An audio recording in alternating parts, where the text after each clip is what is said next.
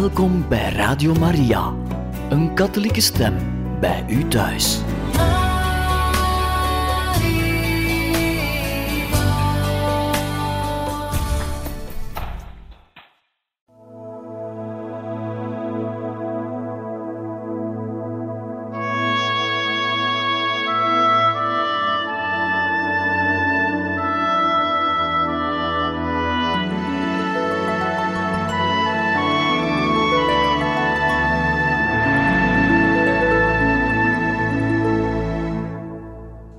Van harte welkom, beste luisteraars van Radio Maria, bij het programma Heiligen Getuigen.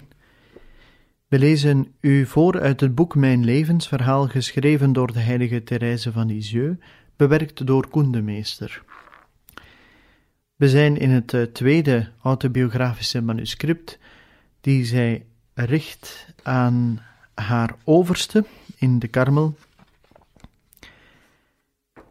en Therese van Lisieux vertelt ons eigenlijk enkele anekdotes uit de periode waarin zij een grotere verantwoordelijkheid heeft gekregen binnen het noviciaat.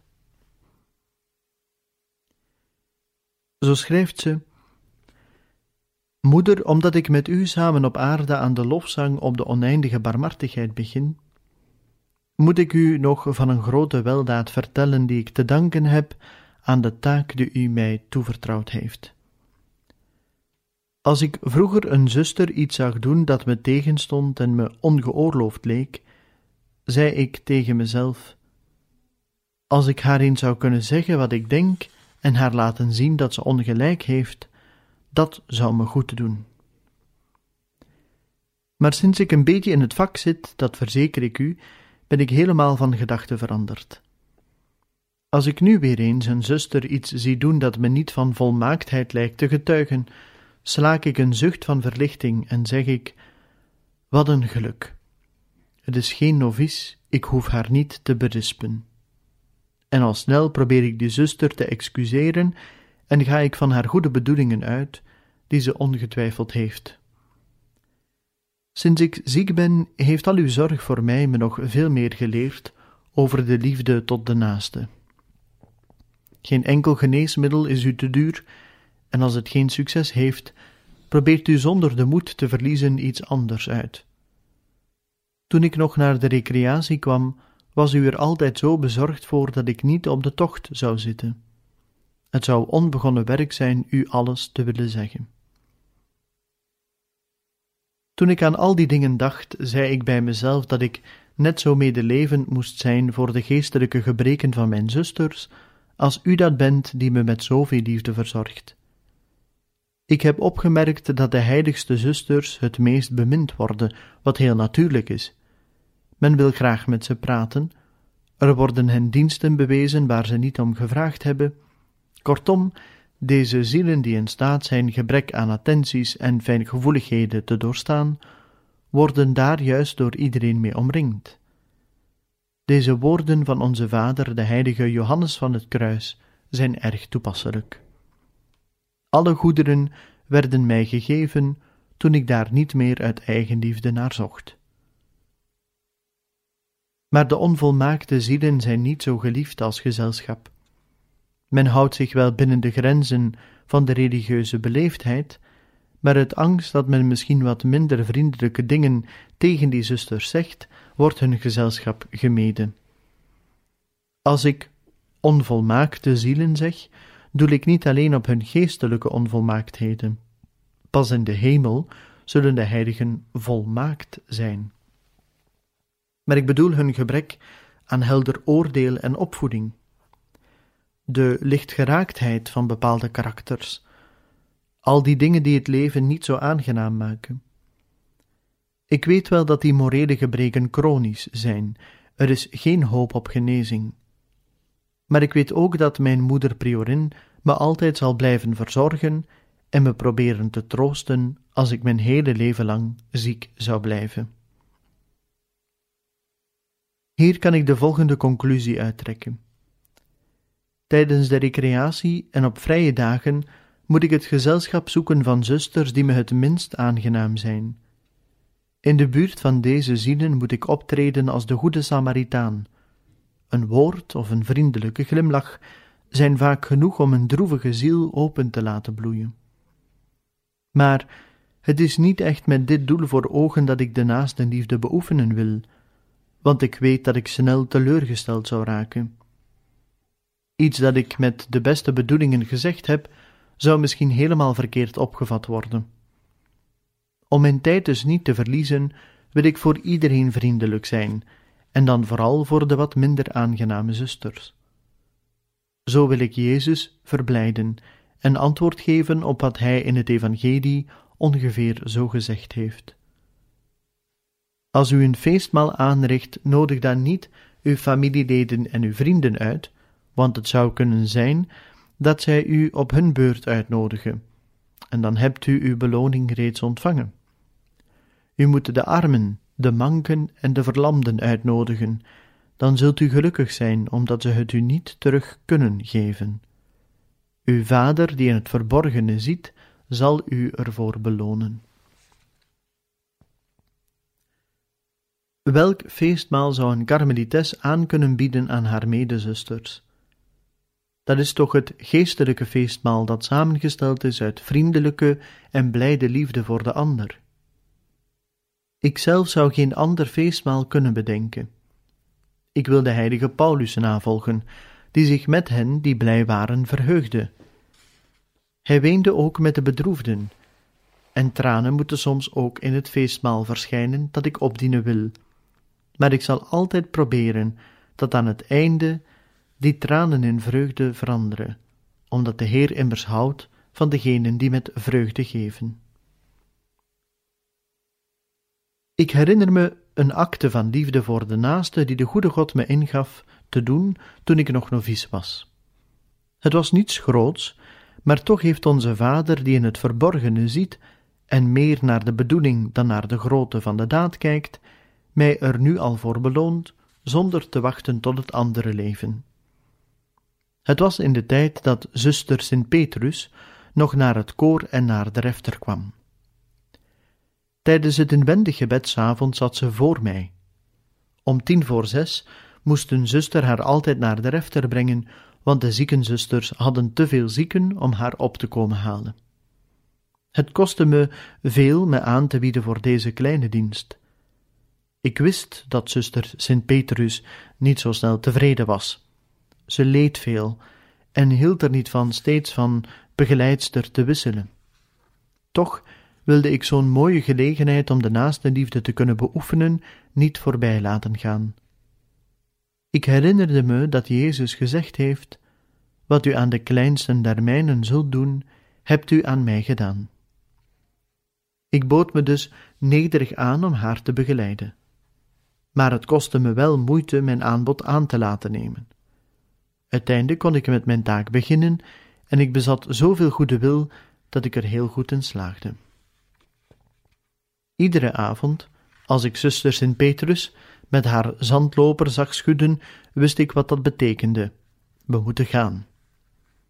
Het is ongelooflijk hoeveel het me kostte, zeker in het begin, om meteen op te staan, wat ik wel altijd deed. En dan begon er een hele ceremonie. Haar bankje moest op een bepaalde manier opzij gezet worden, en je mocht vooral niet gehaast zijn. Daarna begon de wandeling. Het ging erom de arme hulpbehoevende zuster te volgen en haar bij haar riem vast te houden. Ik deed het zo voorzichtig mogelijk, maar als ze per ongeluk een verkeerde stap zette, dacht ze meteen dat ik haar slecht vast had en dat ze zou vallen. Mijn God, je loopt te snel. Ik val straks nog. En als ik dan nog langzamer probeerde te lopen, maar volg mij dan toch. Ik voel je hand niet meer. Je hebt me losgelaten. Ik val, zie je wel? Ik heb nog zo gezegd dat je veel te jong bent om mij te begeleiden. Uiteindelijk kwamen we dan zonder ongelukken bij de refter, maar daar kwamen er weer andere moeilijkheden. Dan moest ik zuster Sint Petrus helpen te gaan zitten. Ik moest daarbij heel behendig te werk gaan om haar geen pijn te doen. Als ik dan ook nog haar mouwen opgestroopt had, en ook dat weer op een bepaalde manier natuurlijk, dan mocht ik weer gaan. Met haar vergroeide handen probeerde ze, zo goed en zo kwaad als het ging, haar brood in stukjes te breken. Dat had ik snel opgemerkt en iedere avond verleende ik haar, voor ik wegging, nog deze kleine dienst. Omdat ze er niet om gevraagd had, was ze erg geraakt door mijn aandacht. En op deze manier wist ik haar helemaal voor mij te winnen, terwijl ik dat niet met die bedoeling gedaan had. Maar het was nog wel het meest, omdat ik haar na haar brood gesneden te hebben, nog mijn allerliefste glimlach schonk. U verbaast ik er misschien over dat ik deze kleine acte van naastenliefde voor u opgeschreven heb. Iets wat zo lang geleden gebeurd is. Maar dit gebeuren is voor mij een aanleiding om de barmhartigheden van de Heer te bezingen. Het is voor mij een heerlijke herinnering die me aanzet tot de liefde voor de naaste. Ik herinner me soms bepaalde details die als een lentebriesje zijn voor mijn ziel.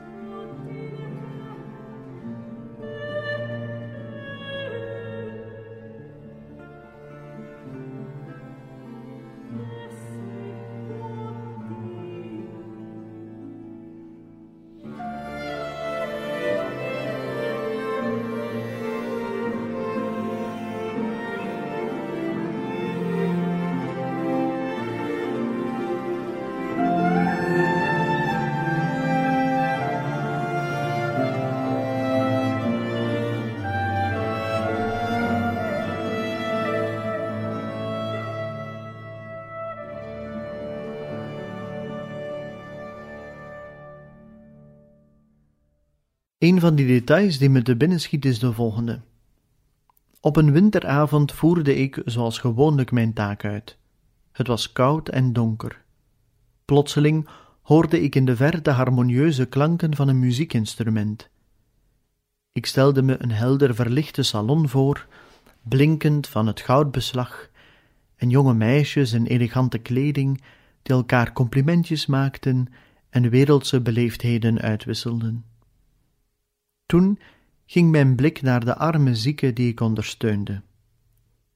In plaats van die melodie hoorde ik van tijd tot tijd een klagend gekreun, en in plaats van het goudbeslag zag ik de bakstenen van onze sobere kruisgang, die alleen door een zwak schijnsel verlicht was.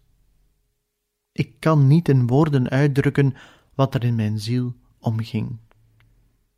Wat ik wel weet, is dat de Heer mijn ziel verlichtte met de stralen van de waarheid, die de duistere glans van aardse feesten zo zeer te boven gaan dat ik mijn geluk bijna niet bevatten kon. Ik zou de tien minuten die ik gebruikt had om mijn nederige taak van naaste liefde te vervullen, niet willen ruilen om duizend jaar lang te kunnen genieten van wereldse feesten.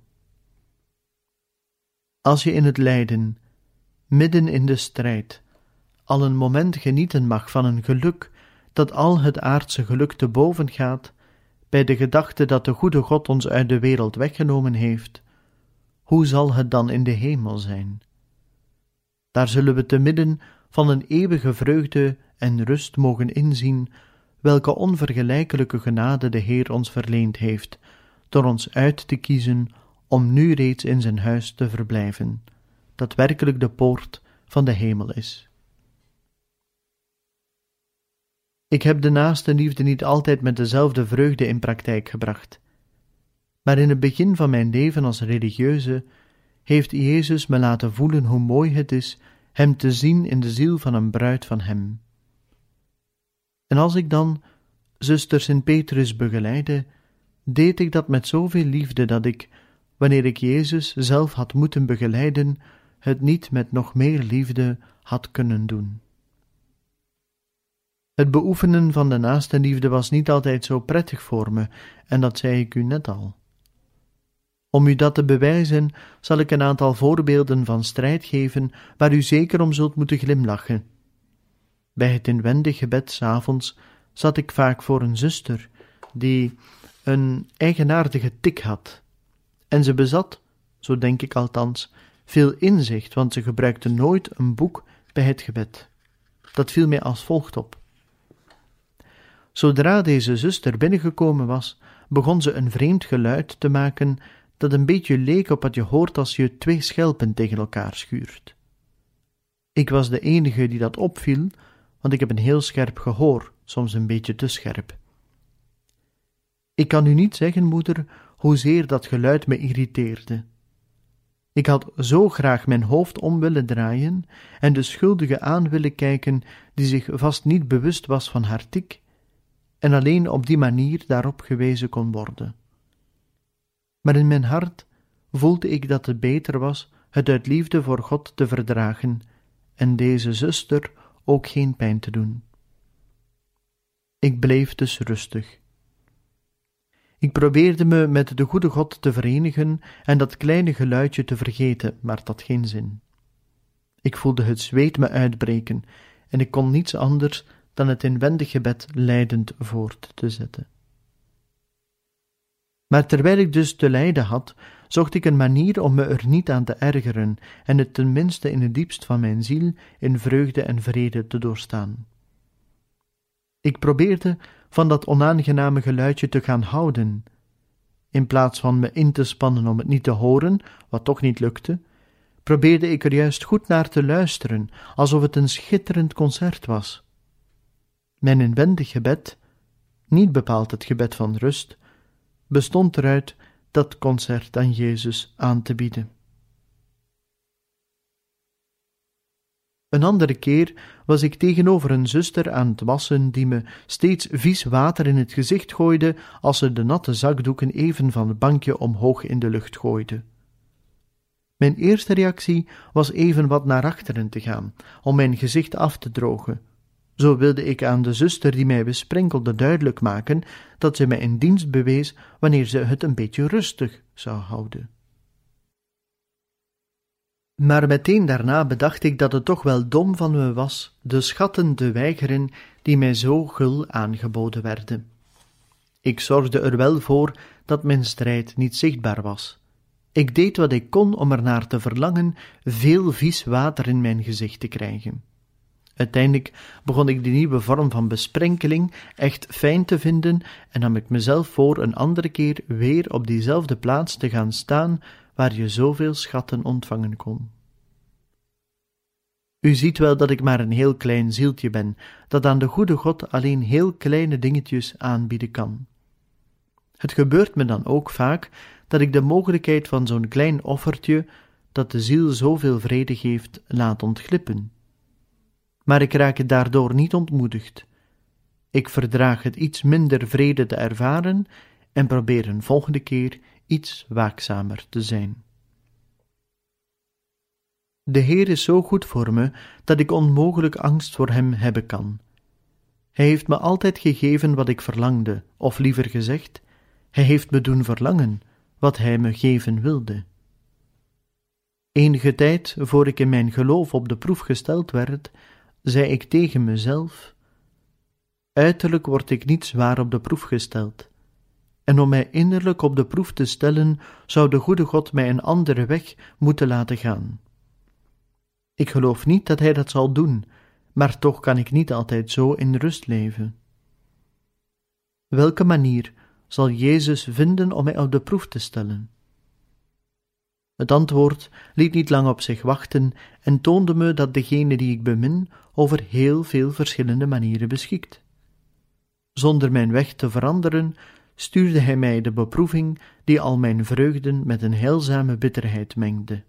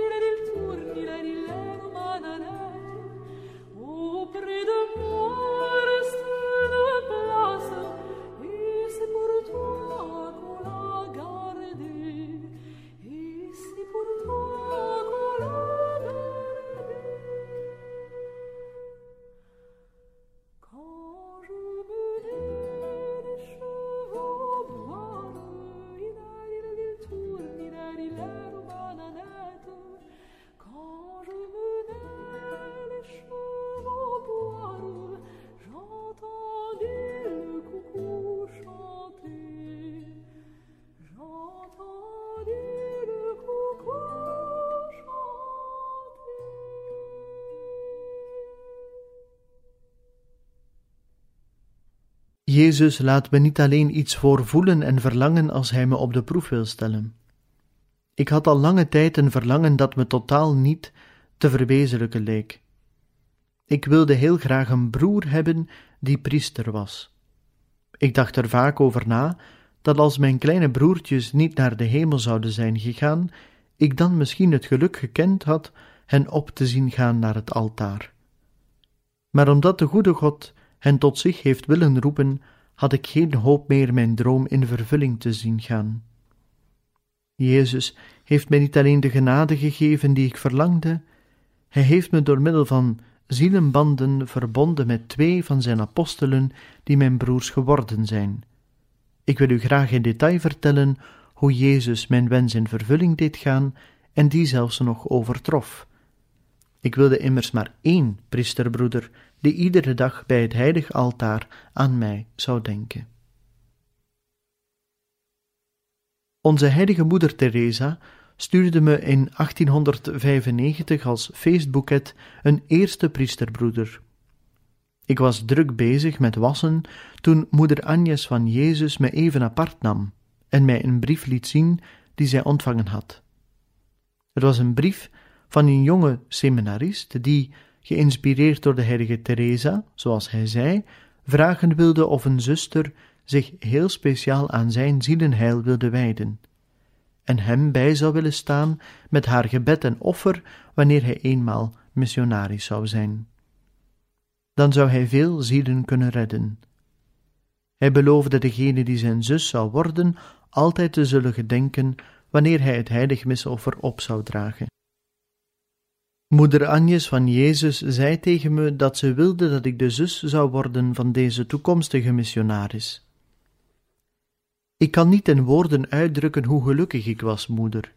Mijn wens, die op een onverwachte manier in vervulling was gegaan, deed in mijn hart een grote vreugde ontstaan, die ik zelf kinderlijk noem, want ik moet tot mijn kinderjaren teruggaan om een herinnering te vinden aan een zo intense vreugde die de ziel niet bevatten kan.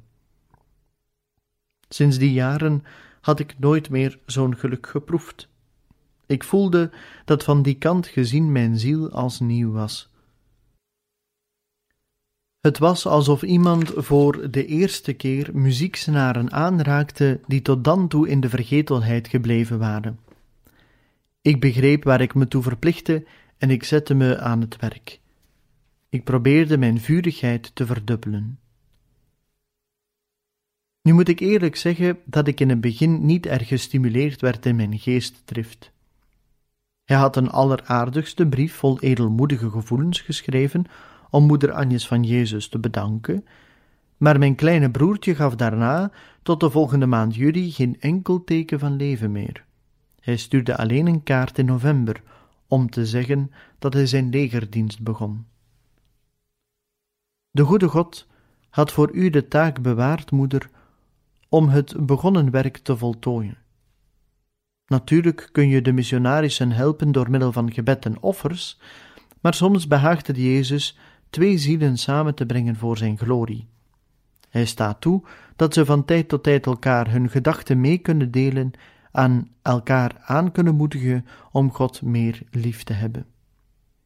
Maar daar is de uitdrukkelijke instemming van de overste voor nodig. Het lijkt me namelijk dat zo'n correspondentie anders meer kwaad dan goed zou doen. Al is dat misschien niet voor de missionaris zo, dan toch voor de karmelites, die door haar levenswijze voortdurend op zichzelf teruggeworpen wordt. Deze correspondentie, waar ze zelf om gevraagd had, zou anders, zelfs verspreid in die tijd, in plaats van haar met God te verenigen, haar geest te veel in beslag nemen. Terwijl ze zich verbeeldt ontzettend veel voor hem te betekenen, zou ze niets anders doen dan zich onder het mom van geestdrift een nutteloos tijdverdrijf bezorgen. Voor mij is het hiermee als met de rest. Ik voel dat die brieven uit gehoorzaamheid geschreven moeten zijn om daar iets goeds mee te kunnen doen, en daarbij moet ik eerder weerstand voelen bij het schrijven dan dat het me plezier doet. Zo probeer ik ook, als ik met een novice praat, dat met onthechting te doen. Ik probeer vragen die mijn nieuwsgierigheid zouden bevredigen te omzeilen. Als ze een interessant punt aansnijdt en vervolgens op iets anders overgaat dat me verveelt, en ze komt niet meer op het eerste terug, dan pas ik ervoor op haar aan het onderwerp te herinneren dat ze heeft laten rusten. Het lijkt me namelijk dat je totaal geen goed kunt doen als je alleen jezelf zoekt. Moeder, ik ontdek dat ik ook nooit mijn leven zal beteren. Met al mijn uitweidingen ben ik alweer aardig ver van mijn onderwerp afgedwaald. Neemt u het me niet kwalijk, en staat u me toe dat ik bij de eerste gelegenheid opnieuw begin. Ik kan niet anders.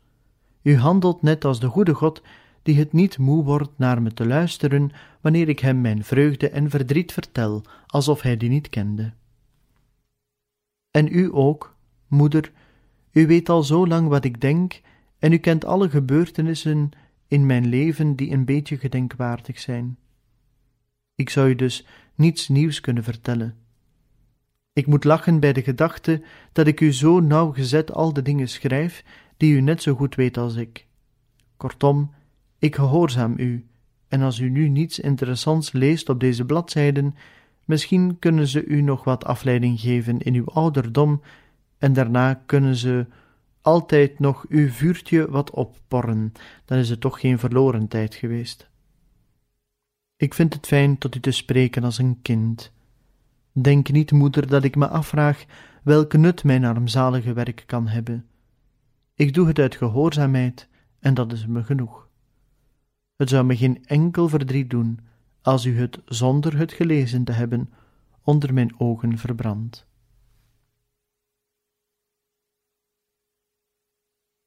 Het is de hoogste tijd dat ik de draad oppak van de geschiedenis van mijn twee broers, die nu een zo grote plaats in mijn leven innemen. Ik herinner me dat u mij aan het einde van de meimaand van het vorig jaar een keer liet roepen voor we naar de refter gingen. Mijn hart bonsde toen ik bij u naar binnen ging. Ik vroeg me af wat u mij te zeggen zou hebben. Het was namelijk de eerste keer dat u zo naar mij liet vragen. Nadat u me gezegd had te gaan zitten, deed u me dit voorstel. Wil je je belasten met de geestelijke belangen van een missionaris die priester gewijd zal worden en al heel binnenkort zal vertrekken? Toen liet u me de brief van die jonge pater lezen, zodat ik precies zou weten wat hij vroeg. Ik voelde allereerst een grote vreugde, maar die maakte al snel plaats voor angst ik legde u toen uit dat ik, aangezien ik mijn armzalige verdiensten al aangeboden had voor een toekomstig apostel, meende dat niet nog een keer te kunnen doen tot de intentie van iemand anders. En bovendien vond ik dat er zoveel zusters waren die beter waren dan ik, en ook aan zijn wens gehoor konden geven. Maar alles wat ik er tegenin bracht was nutteloos. U gaf me ten antwoord dat je toch ook meerdere broers hebben kan? Ik vroeg u toen of de gehoorzaamheid mijn verdiensten niet kon verdubbelen. U zei me dat het inderdaad kon en wees me op verschillende dingen die me duidelijk maakten dat ik zonder scrupules een nieuwe broer aannemen moest. Eigenlijk dacht ik er net zo over als u, moeder. Het is immers zo, de ijver van een karmelites moet de hele wereld in brand zetten. Ik hoop met de genade van de goede God wel meer dan twee missionarissen van nut te kunnen zijn. Ik zou het niet kunnen nalaten voor allemaal te bidden, zonder de eenvoudige parochiepriesters terzijde te laten, die soms een net zo moeilijke taak hebben als de missionarissen.